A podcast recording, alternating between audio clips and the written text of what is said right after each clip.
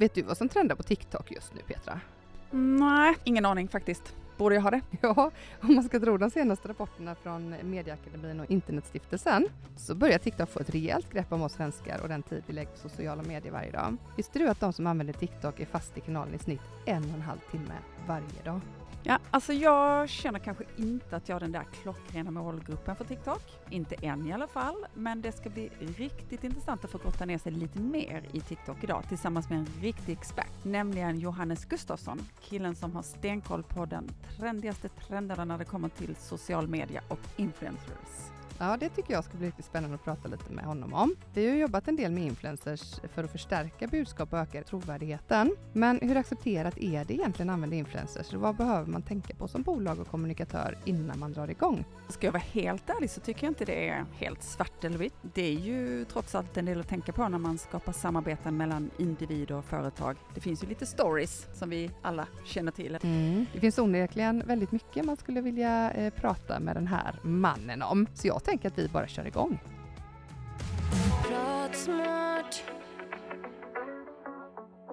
Han är uppväxt på nätet och är en av dem som vet allra mest om hur den yngre generationen lever sina digitala liv. Som 16-åring drog han igång den sociala medietidningen Oh My Vlog och influencerturnén Tubecon. 2019 skrev han sin första bok, Uppfödd på nätet, och idag är han en självklar röst i debatten om sociala medier och influencers. Ja, han är onekligen en spännande person med en oerhörd erfarenhet inom digital marknadsföring.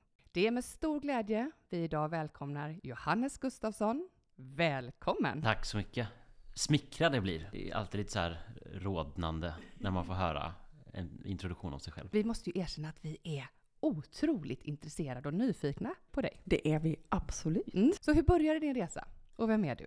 Nej men egentligen så har jag alltid varit intresserad av media. Och när jag var 12 år eller något sånt där så var jag runt i kvarteret i Grästorp där jag är uppvuxen. I Västergötland, 6000 invånare.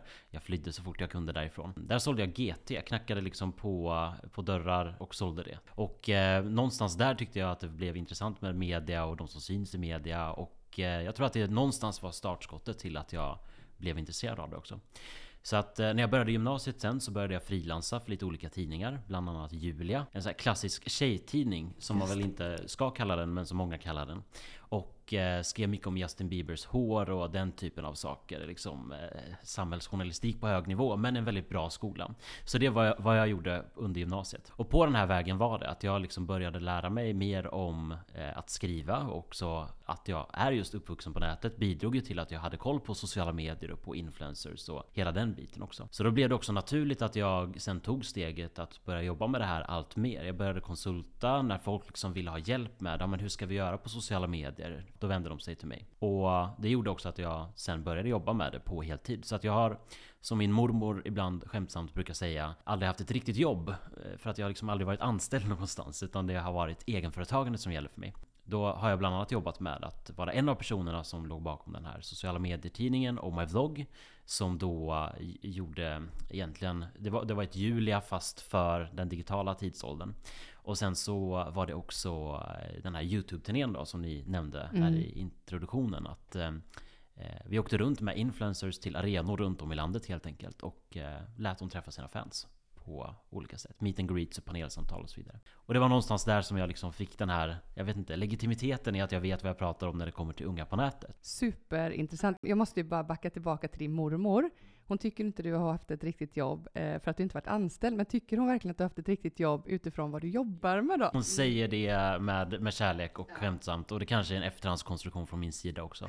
Men det, är, det som är intressant är ju att jag jobbar ofta i det gränslandet där min kära mormor har liksom en, en lapp nedskriven för att kunna ja. berätta för sina väninnor vad jag pratar med. Så ibland uppdaterar vi den där lappen och jag vet inte riktigt om hon förstår vad som står på den. Det är sociala medier och det är influencers men Exakt vad som står där tror jag inte riktigt hon har förstått. Tack så jättemycket! Härligt att bli insläppt liksom på din resa här nu. Om vi tittar mer in på eh, det området som du nu är inne på här. När Facebook kom så förändras ju liksom vårt onlinebeteende och har gjort så eh, sedan dess. Men vad säger du är den största skillnaden på hur vi använder sociala medier idag mot när du gjorde entré? Alltså en av de mest framstående sakerna är väl att allt händer på sociala medier idag. Från att Facebook har varit liksom från första början bara ett ett eh, komplement till vardagen så är det idag hela vår vardag. Och inte bara Facebook utan andra digitala plattformar också såklart. Och eh, man ser också mycket ändringar i liksom användarbeteendena. Man såg redan 2013 att unga lämnade Facebook och då var det Instagram som gällde istället. Och varför var det så? Jo, för att föräldrarna kom till Facebook och då lämnade man och flydde till mm. Instagram. Som var liksom det heta då. Och sen så har man liksom sett den där flykten i takt med att föräldrarna kommer till plattformarna så rör de sig vidare till Snapchat och sen TikTok och så vidare. Så att jag tycker det är ganska intressant att man kan följa det där om vi då tar de ungas perspektiv. Att liksom förändringen sker i takt med ja, var föräldrarna finns ofta. Och idag så finns ju de kanske inte så mycket på, på TikTok och Snapchat, även om de har börjat komma där. Mm. Men de har ju oftast ett Facebook-konto och ett Instagram-konto och då, har man liksom, då är det lite off limits sådär. Eh, men sen tror jag också att man använder sociala medier mycket mer liksom för kanske inte sitt eget behov att visa upp sig själv. Så många har liksom en nidbild av hur dagens unga tar bilder i spegeln och allt handlar om selfies och man ska vara snygg och så vidare. Jag tror att det inte är det som är huvudsaken. För om man tittar på ungas eh, Instagramflöden idag så är det ju inte det som står i fokus. Utan det är istället estetiska bilder eller snygga foton eller så är det ingenting alls. De har inte uppdaterats sedan 2019. Utan de har istället bara liksom ja, ett flöde, inte ens det kanske, där de själva håller koll på vad som händer. Håller koll på sina kompisar. Och de har de här konversationerna som tidigare skedde liksom eh, i inläggen sker istället i slutna rum. Alltså chattar, WhatsApp eller WeChat eller Snapchat eller vad det nu kan vara. Så man, man använder de sociala kanalerna, traditionella sociala kanalerna, mer för att hålla koll på andra idag. Och sen använder man mer slutna då communityn för att kommunicera med sina vänner. Precis, det skulle jag säga. För att det var något som jag såg när jag skrev min första bok. Då. Mm. Saker har hänt sedan 2019 när den kom ut. Men mm. då pratade jag med många unga som, som sa att Nej, men jag har inte Facebook. Eh, eller om de hade Facebook så var det bara för att hålla koll på Facebookgruppen för fotbollslaget som de var tvungna att vara med i. Eller mm. att de hade Instagram, inte för att lägga ut bilder på sig själva utan för att hålla koll på andras stories och så vidare. Så det är ganska intressant att se hur det där skiftet ser ut. Och det är inte alltid sånt som fångas upp i de här undersökningarna. Svenskarna och internet till exempel är en mm. superbra, superbred undersökning. Men man måste ju också prata med unga för att förstå vad de, liksom, vad de faktiskt gör där. Men precis. Och som kommunikatör då, så är ju potentialen väldigt stor att använda sig av sociala medier. Men den är ju också förbunden med en del risker. Man hamnar fel, man går fel, man associeras med fel personer och sådär. Vad tycker du är viktigast som kommunikatör? Om man ska ta det perspektivet. Och hur ska man hitta rätt kanal för sin målgrupp? Ja, om vi tar ett äh, färskt exempel som, äh, som ju ändå hör liksom till min vardag. Mm. I att jag jobbar med influencers mycket. Där är ju en av de allra största framgångsfaktorerna att man jobbar med rätt influencer när det kommer till dels såklart de, de här hårda värdena. Har den här personen rätt räckvidd? Har den rätt målgrupp? Nå den rätt personer som vi vill nå. För att det är väldigt många företag som bara går till den största influensen mm. utan att riktigt veta varför. Utan så här, jo men den här personen är ju störst, bäst och vackrast och då ska vi jobba med just den. Men det kanske är helt fel målgrupp och man kanske tappar bort det där. Men sen också de här mjuka värdena. Jag menar om vi tittar på Margot Ditz till exempel. Hon hade ju jättebra statistik av fel anledningar. Mm. Liksom. Så att man också tittar och väger in de här ja, men, värderingarna och också vad, hur är tonen i kommentarsfältet. Det är en sån sak. Och det kanske inte är svar på frågan om hur man hittar exakt rätt liksom, eh, kanal för att nå målgruppen. Men ett exempel på att det är väldigt liksom, komplext. Man behöver ta hänsyn till både hårda och mjuka värden. Och också känsligt idag eftersom allt går så himla snabbt. Det är ju svårt att veta liksom hur ska det här tas emot av influencerns följare? Det här samarbetet som vi gör nu. Eller hur ska vi göra när det kommer kritiska frågor om vårt varumärke eller det kommer eh, beröm? Hur ska vi fånga upp det? Alltså att man måste tänka på så otroligt många olika saker. Men också det här att man, om man ska kolla på liksom de kanalspecifika, att man faktiskt tittar på Säg svenskan och internet då. Var finns mina, mina, min målgrupp? Mm. Eh, och eh, det är väl så här basic 101 för era lyssnare gissar jag. Men om man tittar på eh, också liksom Man ska inte prata i kanaler där man inte behöver finnas eller där man inte Det är många som har ett Facebookflöde bara för att För att man ska ha det och lägger massor av tid och resurser på det Utan att egentligen nå målgruppen. För det där är jag lite nyfiken på. Det är ju en sak att annonsera eh, och välja vilka kanaler man annonserar i. Men det är en annan sak att ha, skapa ett, ett eget konto för sitt bolag. Vart ska man vara då med egna konton? Mm. Och kan man annonsera i kanaler där man inte har ett eget konto? Jag jobbar inte jättemycket med Facebook och Instagram längre utan jag har gått över allt mer till TikTok. Och eh, jag vet att på TikTok till exempel så kan man ju faktiskt annonsera utan att ha ett eget TikTok-konto. För de har öppnat upp just den möjligheten. För att det är inte alla företag som känner sig bekväma eller tillåts ens enligt sin, sina interna policies att ha ett TikTok-konto. Så då kan de ändå annonsera motsvarande som man gör i Metas Ads Manager men på TikTok istället då. Och sen så är det klart att om man, om man ska finnas någonstans i sociala medier så är det ju intressant att, eh, att dela det som just målgruppen vill ha i form av att man måste hitta den här sweet spoten. För att jag som sitter på marknadsavdelningen vill ju säga jättemycket saker om mitt varumärke och Mm. mina produkter och att vi är bäst, störst och vackrast återigen. Men det är ju i regel den genomsnittliga konsumenten ganska ointresserad av. Alltså, vi vet ju vad företagen tycker. Det är inget företag som går ut och säger ja, vi är väl sådär. Utan alla vet ju varför de finns på sociala medier. Så att man hittar sweet spoten mellan vad vi vill säga och vad målgruppen vill ha. Eh, och på något sätt, sätt liksom överlappa dem. Vad är nyckeln för att skapa den relationen då? Ha en trovärdig relation till följaren och inte bara reklam. Så jag, jag saknar relevans och mervärde. Det är de två orden som jag brukar prata om. Alltså att man faktiskt går till målgruppen och frågar vad vill ni se? Är det tre tips om bättre privatekonomi? Eller är det ett recept på billiga matlådor? Eller vad är, vad är det liksom? Det finns ju högt och lågt där. Vill ni ha att vi berättar en story? Ska det vara en novell som vi publicerar en gång i veckan? Alltså vad är det som man kan bidra med till sina följares, eh, följares liv liksom? Men jag tänker tillbaka till TikTok som man ändå kan säga liksom är just nu den mest omtalade kanalen. Um, varför är det så? Varför är den så populär? Det finns egentligen två anledningar. Dels så har den tagit väldigt stor eh, plats i debatten. Liksom. Eh, I nyhetsrapporteringen. Eh, om Trump började ju med, som ville förbjuda TikTok i USA. Och sen så har vi de påstådda kopplingarna till den kinesiska regimen. Och man har information om användardata som läcker på fel sätt. Så att det har liksom tagit mycket plats i mediebevakningen. Så det är väl kanske en av anledningarna till att det är stort bland liksom befolkningen och bland den vuxna befolkningen också. Att, att, eh, att man har TikToks liksom namn på, på hjärnan.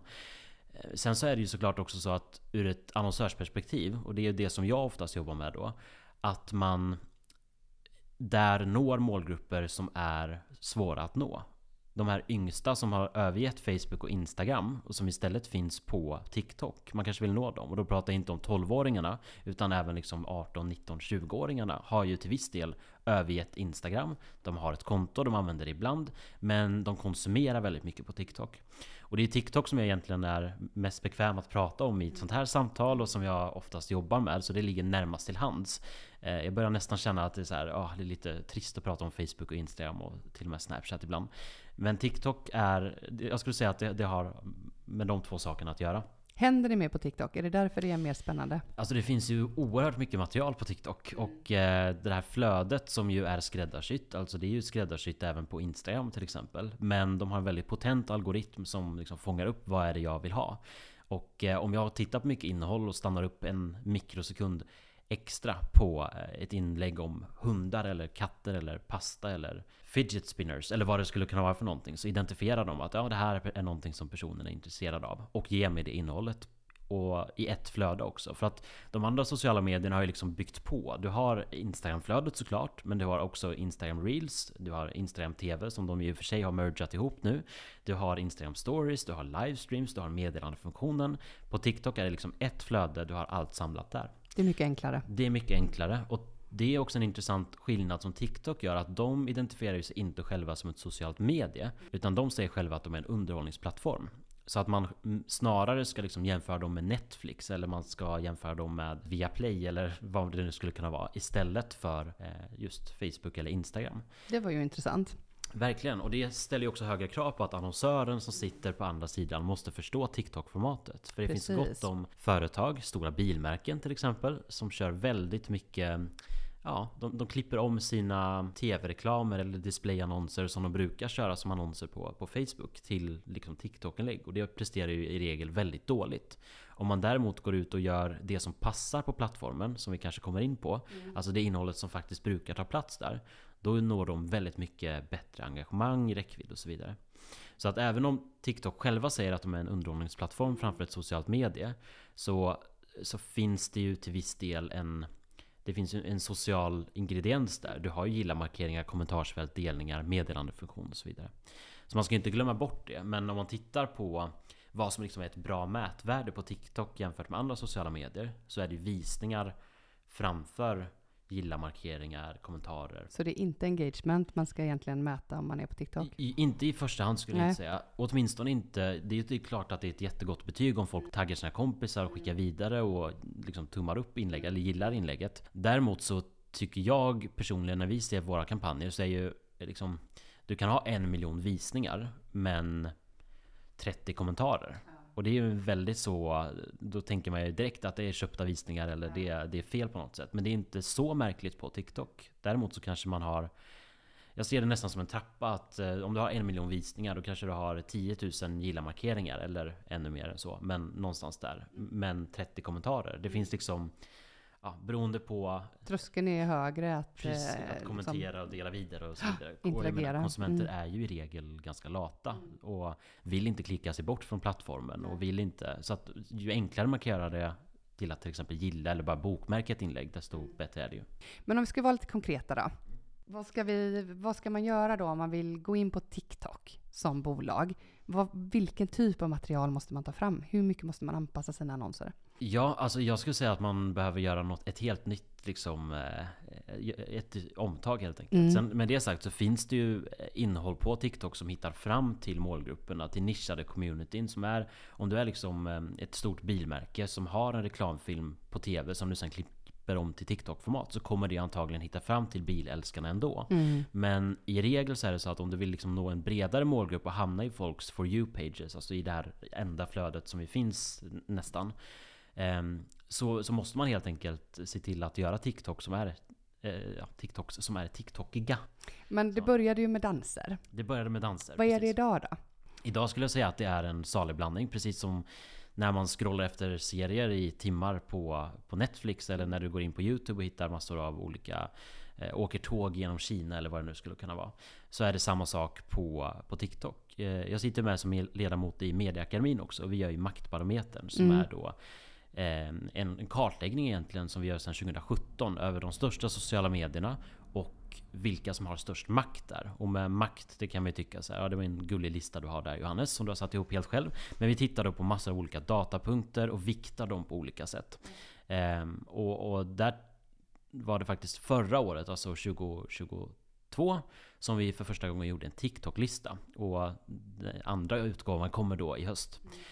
Och eh, då fick vi en topp 30 som visade liksom en väldigt stor skillnad i vad innehållet handlar om. Eh, vi såg nästan inga danskonton. Vi såg istället att intervjuer på stan till exempel är väldigt populärt. Att folk går runt på stan med en mikrofon och säger Hej, eh, vad tjänar du per månad? Eller Hej, vad... hur ser ditt badrum ut? Eller alltså den här typen av alldagliga interaktioner som folk tydligen är intresserade av. Det så mitt i livet? Eh, mitt i livet, mm. diskbänksrealism, mm. någonting sånt där. eh, så det är en stor trend. Sen ja. så är det ju såklart underhållning och humor, går hem på de flesta.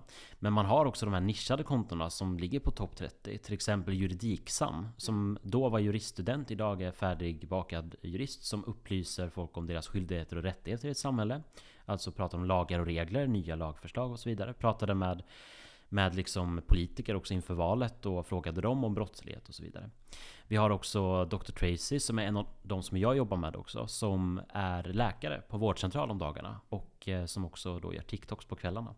Där hon berättar om kroppen och hälsan och det funkar väldigt bra för att alla har en kropp och en hälsa att förhålla sig till på något sätt. Så fakta funkar bra? Fakta funkar väldigt bra också. I ett lättpaketerat... Precis. Mm. Och, och, här, det ska också tilläggas för de som inte är vana med TikTok. Eh, man kan ju prata om Netflix om man ska dra den parallellen. Som liksom kör 30 sekunders, eh, eller jag menar 30 minuters avsnitt som minsta. Mm. På TikTok handlar det om 30 sekunder max. För sen tappar du engagemanget. Eller sen eh, tappar du liksom räckviddvisningar och så vidare.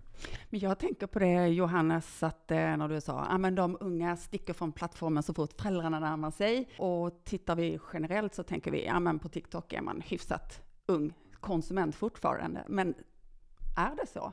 Hur eh, kan man nå 30-plussarna där? Det låter ju lite som att någonting har hänt. Eller vad är din bild? Ja men absolut. Det som man ser enligt den här svenskan och internet som ju är lite utav bibeln för oss kommunikatörer. Så om man går till den så är det framförallt då 00 10 och 90-talister som använder TikTok. Mm. Eh, I den ordningen. Och eh, det är de största användargrupperna. Men sen ser man också att liksom 60, 70, 80-talister finns där, men i mindre omfattning. Och det kan också vara värt att poängtera då, återigen för de som inte är så insatta på TikTok, att man pratar om, ofta om TikTok som liksom någon plattform som står i hörnet och det är för de unga och det här, ja, den låter dem sköta sig själva. Men om man ska tro liksom, de siffror som figurerar i media och eh, enligt svenskarna och internet också till viss del, så finns det då eh, enligt Enligt uppgifter i media runt 3 miljoner svenska användare varje månad som är aktiva. Och det är ju många om man tänker, då mäter det sig ändå med de andra sociala medierna eller börjar komma upp dit. Vågar man gå in i en plattform som ändå är lite omdiskuterad regulativt? Ja men precis. Det är, det är en spännande fråga kring hela den säkerhetspolitiska debatten som Mm. har uppstått i och med TikTok. Det som jag brukar luta mig mot är ju att, att konstatera liksom att det finns de här påstådda kopplingarna till kinesiska staten. TikTok själva är väldigt noggranna med att de inte har någonting med dem att göra. Det Mm. är förvisso liksom ett, ett, deras moderbolag en gång i tiden som startade TikTok. Den västerländska delen av det som i Kina heter Douyin och som är mycket hårdare styrt såklart. Eh, I västvärlden heter det TikTok och eh, deras ByteDance, alltså moderbolaget då, grundades i Kina men är idag då inkorporerat utanför Kina. Vilket gör att de då antagligen är det enda företaget i världen som skryter om att vara registrerade i ett skatteparadis, mer Mm. eller mindre. För att så här, det är inte Kina i alla fall. Ehm, det som man ser då är att det har blivit liksom ett politiskt slagträ det här med, med TikTok och Kina av förklarliga anledningar. Det finns ju frågor om integritet, det finns frågor om eh, säkerhet, alltså nationell säkerhet och så vidare. Och vissa länder har gått så långt att de har bannat TikTok. Pakistan, Bangladesh och Indien, där får du inte använda TikTok. Det går inte att ladda ner det helt enkelt. Däremot så konstaterar jag att i de flesta andra länder, även i Sverige, så finns det inget förbud. Och det är någonstans det som jag lutar mig emot. För om det hade varit så farligt, höll jag på att säga, men så liksom akut och brinnande så hade det funnits ett förbud. Så tänker jag. Sen finns det däremot riktlinjer kring till exempel regeringskansliet och public service har gått ut och sagt att medarbetare inte får ha deras eh, applikationer, eh, TikTok till exempel, installerade på sina telefoner. Men om man är journalist som jobbar med känsliga uppgifter eller om du är regeringsanställd så bör man ju vara försiktig oavsett vilken app man använder. Sen är det klart att liksom hela eh, Kina-kopplingen och Kina-känslan kring TikTok har, har liksom bidragit till att den frågan har väckts. Men så att som annonsör känner jag mig ganska trygg med Mm. att rekommendera TikTok för alltså just kommunikativt. Sen är inte jag säkerhetspolitisk expert och jag vet inte exakt vad de delar. Men jag skulle väl säga att så här, om, om man tittar på vilka, vilken data man kan komma åt, liksom ur ett användardataperspektiv, vilken data man kan komma åt via Meta, så är ju skillnaden inte jättestor i vad man kommer åt som annonsör i TikTok. Man sparar användardata på olika sätt. Sen är frågan, vad används det till i slutändan? Men om man då är ett bolag eh, och vill in i TikTok som plattform, ska man skapa ett konto och göra eget innehåll eller ska man annonsera enbart? Hur mycket resurser har du? Det är det som- Det är den Ja, frågan som styr. Är det där man börjar? Precis. Ja. Det är helt och hållet liksom en resursfråga. Eh, optimalt är att man skapar ett TikTok-konto, men då får du också ha någon form av kontinuitet. Om man ska tänka sig vad TikTok eh, är för typ av plattform så går det ganska snabbt. Det ska Mm. vara snabba, korta klipp. Jag skulle säga att någon gång i veckan är att rekommendera, åtminstone. Och som företag kanske det är svårt att nå upp dit om man liksom har en begränsad eh, marknadsavdelning. Och då tror jag att det är bättre att batcha, liksom att man, man tar fram tio stycken TikTok-enheter som man vet funkar bra på TikTok. Och sen kör man dem som annonser helt enkelt. Lägger budget bakom det. Och då kan man jobba med antingen en influencer eller med en UGC-kreatör, alltså User Generated Content, som är helt enkelt att det är folk som inte nödvändigtvis har mycket följare men som är vanligt folk inom citationstecken och, och skapar innehåll med produkter. Men om du som företag då annonserar eh, på TikTok, vad är risken att hamna i fel kontext med sin annons där? Och, och har du också företag som har lyckats fantastiskt bra och ja, mindre bra kanske? Brand safety är ju liksom en brinnande fråga när det kommer till sociala medier. Där det är svårt att, att styra vad som syns före och efter annonsen. Jag skulle säga att de flesta idag har Ganska, de flesta användare av sociala medier har en bra förståelse för att okej, okay, det här är liksom en enhet och nu när jag sveper vidare så har inte det nödvändigtvis något att göra med, med det här. Så att om det är ett högerextremt budskap och sen så plötsligt kommer en annons från företag X. Ja. Då tror jag inte att man kopplar ihop det. Däremot så kan man ju lätt trampa i klaveret genom att jobba med fel influencer. Eller att, eh, att jobba med eh, eh, ja, såklart att inte hålla sig inom vad man får säga. Men det är ju liksom den grundläggande marknadsföringslagen till exempel kring klimatpåståenden och så vidare. Jag skulle säga att eller så här, den mest brinnande frågan som jag kommer att tänka på nu kring liksom vad jag brukar mötas av. Det är att TikTok är så oerhört fult. Att det är ehm, fula texter. Vi kan inte använda vår egen färg, vårt eget mm. typsnitt. Lite slarvigt. Lite liksom. slarvigt, mm. precis. Och det är lite pixligt och man har filmat liksom med eh, en kamera som det är fett på. Alltså så här, det, det, det, ser inte snyggt ut. Men det är också det som på något sätt går hem. Det autentiska. Det, liksom. autentiska, ja. exakt. Man är liksom trött på, på det polerade. Och det har ju sitt syfte. Du kan inte göra en utomhusreklam som inte är polerad. Du kan inte göra en tv-reklam som inte är polerad. Det ska se ut på ett visst sätt. Men när det kommer till just TikTok så måste det passa in i formatet. Och den här unga generationen, de genomskådar ju så fort det blir för kommersiellt. Så att det är en fråga som man måste ställa sig också. Hur kan vi liksom tillgodose att vårt varumärke ändå ser schysst ut på sociala medier? För att man har ju kanske en brand guideline att, mm. att förhålla sig till som man sen inte kan förhålla sig till. Och då måste man ju ta den frågan liksom. Hur gör vi detta? Jag vet att eh, till exempel IQ som vi har jobbat en del med i en kampanj med Dr. Tracy. Eh, de kunde inte använda sitt eget typsnitt och sin egen grafiska profil och loggan och så vidare. Men då löste man det genom att Tracy har på sig en IQ-tröja. Så kommer loggan med på något sätt. Och så är liksom texten orange åtminstone. För att deras logga är liksom orange. Men de har inte exakt det typsnittet. För att om de skulle ha det, då går inte det hem på TikTok. För att då ser folk att det inte är skapat i TikTok-appen. Det är också det som gör att de till väldigt stor del har lyckats tror jag. Att, att det är ett väldigt potent liksom, videoredigeringsverktyg också. Mm. Direkt i appen. Ett exempel eh, på en influencer som jag har jobbat med i två och ett halvt år. Hon äger alltså inte ens en dator. Utan hon började på mobilen och har jobbat med mobilen sedan dess. Så hon försörjer sig på att göra TikToks. Mm. Och det hon gör är att, att sätta mobilen i en mortel och sen flyttar hon omkring den i köket när hon lagar mat. Så hon har inte ens ett stativ. Och det säger någonting om det den här nya liksom, kreatörsekonomin och också vad företag kanske måste lära sig lite av också. Att, att det liksom inte... Det handlar inte om att ha fancy utrustning alltid. Det kanske gör det på Instagram när du ska livesända och du vill ha bra ljud. Eller bra ljus. Mm. Eh, det kanske gör det när du anlitar en reklambyrå som ska ta fram en TV-reklam som du får betala mycket pengar för. Men när det kommer till influencers och när det kommer till TikTok så är det liksom det autentiska som går. Nej, men jag älskar ju det här. Ja, verkligen. Men Moa, vi måste bara fråga också med mm. tanke på influencer marketing. Jag tänker, en del företag har ju tagit steget, har varit igång länge med den delen. En del har sneglat och känner att vågar vi, ska vi? Men vad tror du, kommer influencer marketing liksom, kommer det fortsatt fortsätta som du har gjort eller ser du att trenden dippar neråt? Jag tror att influence marketing håller på att omformas lite grann. Det är min eh, personliga, liksom, baserat på de rörelser som syns och de kunder som jag jobbar med. Och det fokus som vi har tagit i influence som jag jobbar på då. Och eh, det som man har sett är att det som traditionellt har drivit influence marketing-branschen framåt, alltså att företag, marknadsavdelningar, organisationer, varumärken helt enkelt, använder sig av influencers för att, eh, för att marknadsföra produkter. Eh, det har liksom traditionellt varit mycket fokus på mode, på smink och på inredning. Det är det som har drivit kreatörsekonomin framåt. Nu ser det där ut att liksom stagnera lite, särskilt i frågor om hållbarhet. Är det hållbart att man ska fortsätta handla på Shein? Idag gör ju folk fortfarande det. Mm. Men frågan är om de kommer göra det så mycket längre till. Så att jag tror att man kommer se lite utav en omdaning i vad det är man marknadsför. Att det kanske går ifrån produkter och tjänster mer till att vara budskap och det här liksom CSR-arbete. Att man istället som varumärke jobbar med att få ut genom influencers. Inte att köpa den här produkten med den här rabattkoden eller klicka mm. på den här länken. Utan snarare, det här är vad vi står för. Och så jobbar man med en passande influencer inom det segmentet. Man ett hittar ett gemensamt syfte. Precis, hitta ett gemensamt syfte. Och jag menar, idag plöjer företag ner mycket pengar i marknadsbudgeten på att liksom konver driva konvertering. Vilket såklart är en viktig del för att ekonomin ska gå ihop för företaget. Men också skatteintäkter och hela den biten. Som i och för sig inte alltid handlar i Sverige nu för tiden. Jag tänker med när man handlar på Shein, eh, på Shein och vad det nu kan vara för någonting. Men man lägger ju också mycket pengar på hållbarhetsrapporter eller eh, att stå på Almedalen eller vad det skulle kunna vara.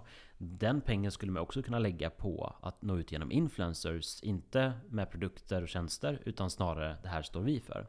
Så att eh, man kan liksom hitta vägar fram med liksom opinionsbildning, ungdomskommunikation, varumärkeskännedom hållbarhetsarbete genom influencers. Jag tror att influencer marketing liksom håller på att omformas lite i vad det handlar om också.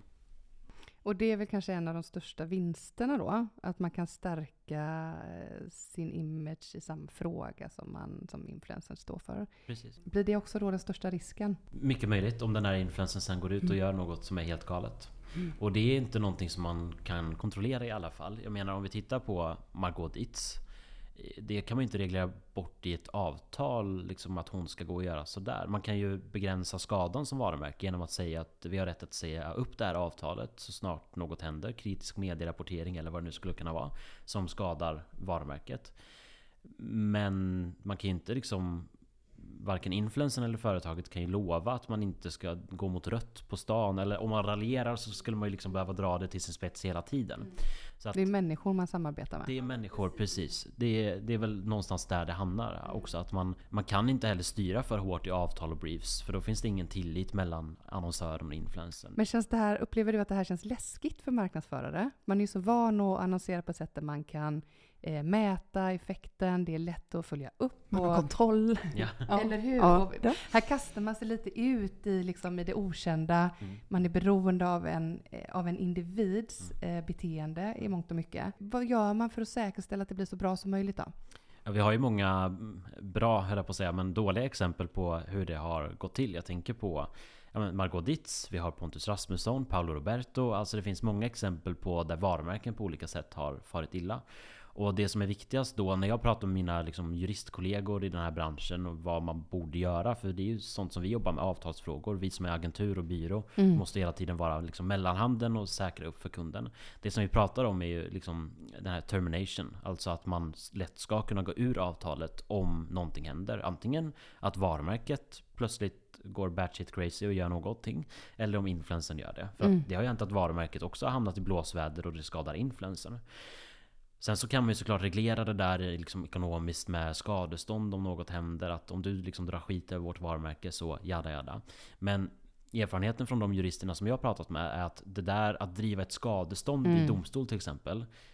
Det är, liksom, det, det, är sällan värt värdet på kontraktet. Så då, därför är det bättre att istället skriva ett öppet som kontrakt som möjligt som man kan avsluta på ett schysst sätt. Men ändå så här, nu har du gjort fel, så här gör vi. Och där jobbar vi mycket med i form av brand safety då. Alltså att ta fram till exempel Q&A så att när det kommer ja. kritiska frågor till en influencer på deras kommentarer. För det händer ju att vi ska lägga upp eh, en kampanj klockan 12 på en lördag. När vill annonsören för att det matchar liksom deras event eller vad det kan vara. Men de själva inte är på marknadsavdelningen. Då måste vi snabbt kunna svara på det på influencerns sätt såklart. Men liksom, ja, vad ska vi svara om det ställs frågor om källan för den här rapporten som påstår att svenskt är bättre för klimatet? Eller helt enkelt, ja men det här företaget utnyttjar ju unga, eller vad det skulle kunna vara. Eh, att man hela tiden har den här beredskapen. Men vi har ju pratat mycket om att man ska hitta en influencer i så fall, eller en ambassadör för sitt varumärke, som står för samma kärnvärden, har en trovärdighet inom det ämnet du vill prata om kanske. Och så hittar man den här perfekta personen. Och så går man igenom flödena och så inser man att personen gör ju hur mycket samarbeten som helst. Tappar det då trovärdigheten om man gör samarbete med den här eh, personen? Jag skulle säga att det beror på vad det är för typ av samarbeten. Om det är liksom en influencer som har ett långsiktigt samarbete med ett företag och gör ett inlägg i månaden med ett och samma företag. Då är det ju bara hedersvärt att bara applådera att liksom, ja, men man har lyckats ro det här i land och det ser bra ut för varumärket och då är det ett bra case att ta upp. Om det däremot är liksom ett samarbete i varje inlägg så bör man ju kanske, med olika företag dessutom, så bör man ju kanske tänka ett varv extra kring vad är incitamentet för den här personen? Det här schampot är jättebra, men det här balsamet från det här märket är jättebra. Och sen så förresten tvättar jag mina kläder med det här, men handdukarna är från... Alltså, mm. det blir liksom lätt urtvättat. Mm. Men det kan man ju... Det, det, som är mest kritiskt liksom som företag när man går in i ett influencersamarbete, det är såklart att förebygga att de har jobbat med konkurrenter tidigare. Men, eh, men det är väl snarare de två sakerna som man skulle titta på då. Men hur länge skulle man kunna låsa en, en influencer då, vid att inte samarbeta med en konkurrerande verksamhet jag sitter ju ofta på båda stolar. Jag ska liksom göra både annonsörer och influencers nöjda. Det handlar ju också om att det ska finnas ett intresse från influencern att här, jobba vidare mer långsiktigt. Så att ofta så hittar man ju en, en schysst lösning för att man kanske säger att ja, vi testar det här och om det blir en one-off, ja men då kör vi tre månaders exklusivitet eller ensamrätt på detta. Men om du däremot, eh, om vi går vidare med det här så vill vi ha full exklusivitet. Alltså att man gör någon form av så här opt, opt-in eller vad ska man säga. Att om vi fortsätter detta. Men vad är kostnyttan då? Eh, jobba med influencer marketing versus vanlig, kanske traditionell eh, digital marknadsföring. Jag skulle säga att eh, det finns liksom en eh, distinktion kring hur företag prioriterar sina budgetar såklart. Mm. För man måste prioritera sina budgetar. Men något som vi ofta märker och kan bli lite frustrerade av är ju att, in, att, att annonsörer lägger väldigt mycket pengar på traditionell media. Till exempel tidningsannonser, utomhusreklam, tv och radioreklam och så vidare. Vilket såklart är en viktig del av mediamixen. Men sen kommer man till en influencer och förväntar sig att de ska kosta 2000 kronor fast man precis har plöjt ner 200 000 på en dagstidningsannons. Alltså, det är det här det är skillnaden där som inte jag riktigt förstår mig på. Och det har ju också att göra med liksom mätbarhet och så vidare. Mm. Det finns ju ett visst gissel i hur man mäter media till exempel. Eh, I hur man mäter tidningsupplagor. Man vet ju inte hur många som faktiskt öppnade tidningen och läste. Det vet du ju på TikTok där du kan se genomsnittlig visningslängd, gilla markeringar, kommentarer och så vidare. Så jag tror att, eh, på tal om liksom kostnyttan då, det är svårt att säga att det här är den exakta formen för det här får man tillbaka. Särskilt om man ska jobba med liksom budskap. Det är ju svårt att räkna hem. Det är ju snarare ja, då får man göra någon eh, varumärkesundersökning eller något sånt. Men det som jag tycker är spännande är bara att, att belysa, att som, att som marknadsförare förstå att det är också en, alltså att influencer marketing är en bransch precis som att det sitter en hel säljavdelning på Schibsted eller på Bonnier eller vad det nu skulle kunna vara och säljer deras titlar. Intressant. Ja men så mycket insikter, inspel och ja, mycket att tänka på dessutom. Men eh, om du nu ska koka ner detta till, till tre tips för en marknadsförare för att göra den bästa sociala medier-strategin. Vad har du, vad har du på topp tre-listan då?